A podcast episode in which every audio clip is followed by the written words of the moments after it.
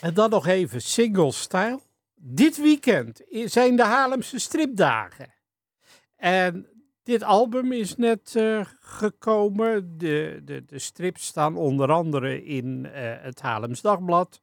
Uh, de prins van die tekeningen kun je bij Studio Burgwal, Burgwal 69 in Haarlem zien.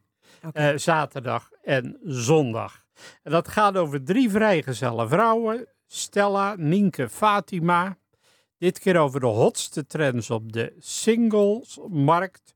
Uh, ja, dialogen, soms uh, hilarisch. Andere keer goed voor een glimlach en enkele keer flauw. En dat is met dit stripboek ook het geval.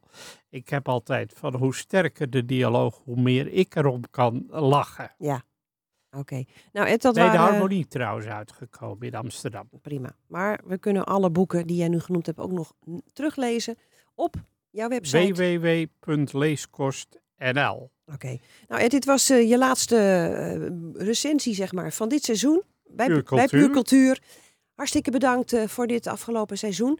En ik zie jou waarschijnlijk binnenkort in meer informatief, want daar gaan we je recensie voorzet, voortzetten. Ja, dat is alleen op donderdag. En ja. een iets andere tijd. Ja, donderdag uh, tussen 7 en 9 meer informatief. En daar uh, horen ja. we het uh, binnenkort weer. Ook weer 14 daags, dus donderdag ja. over een week okay. begin ik. We moeten het hierbij laten.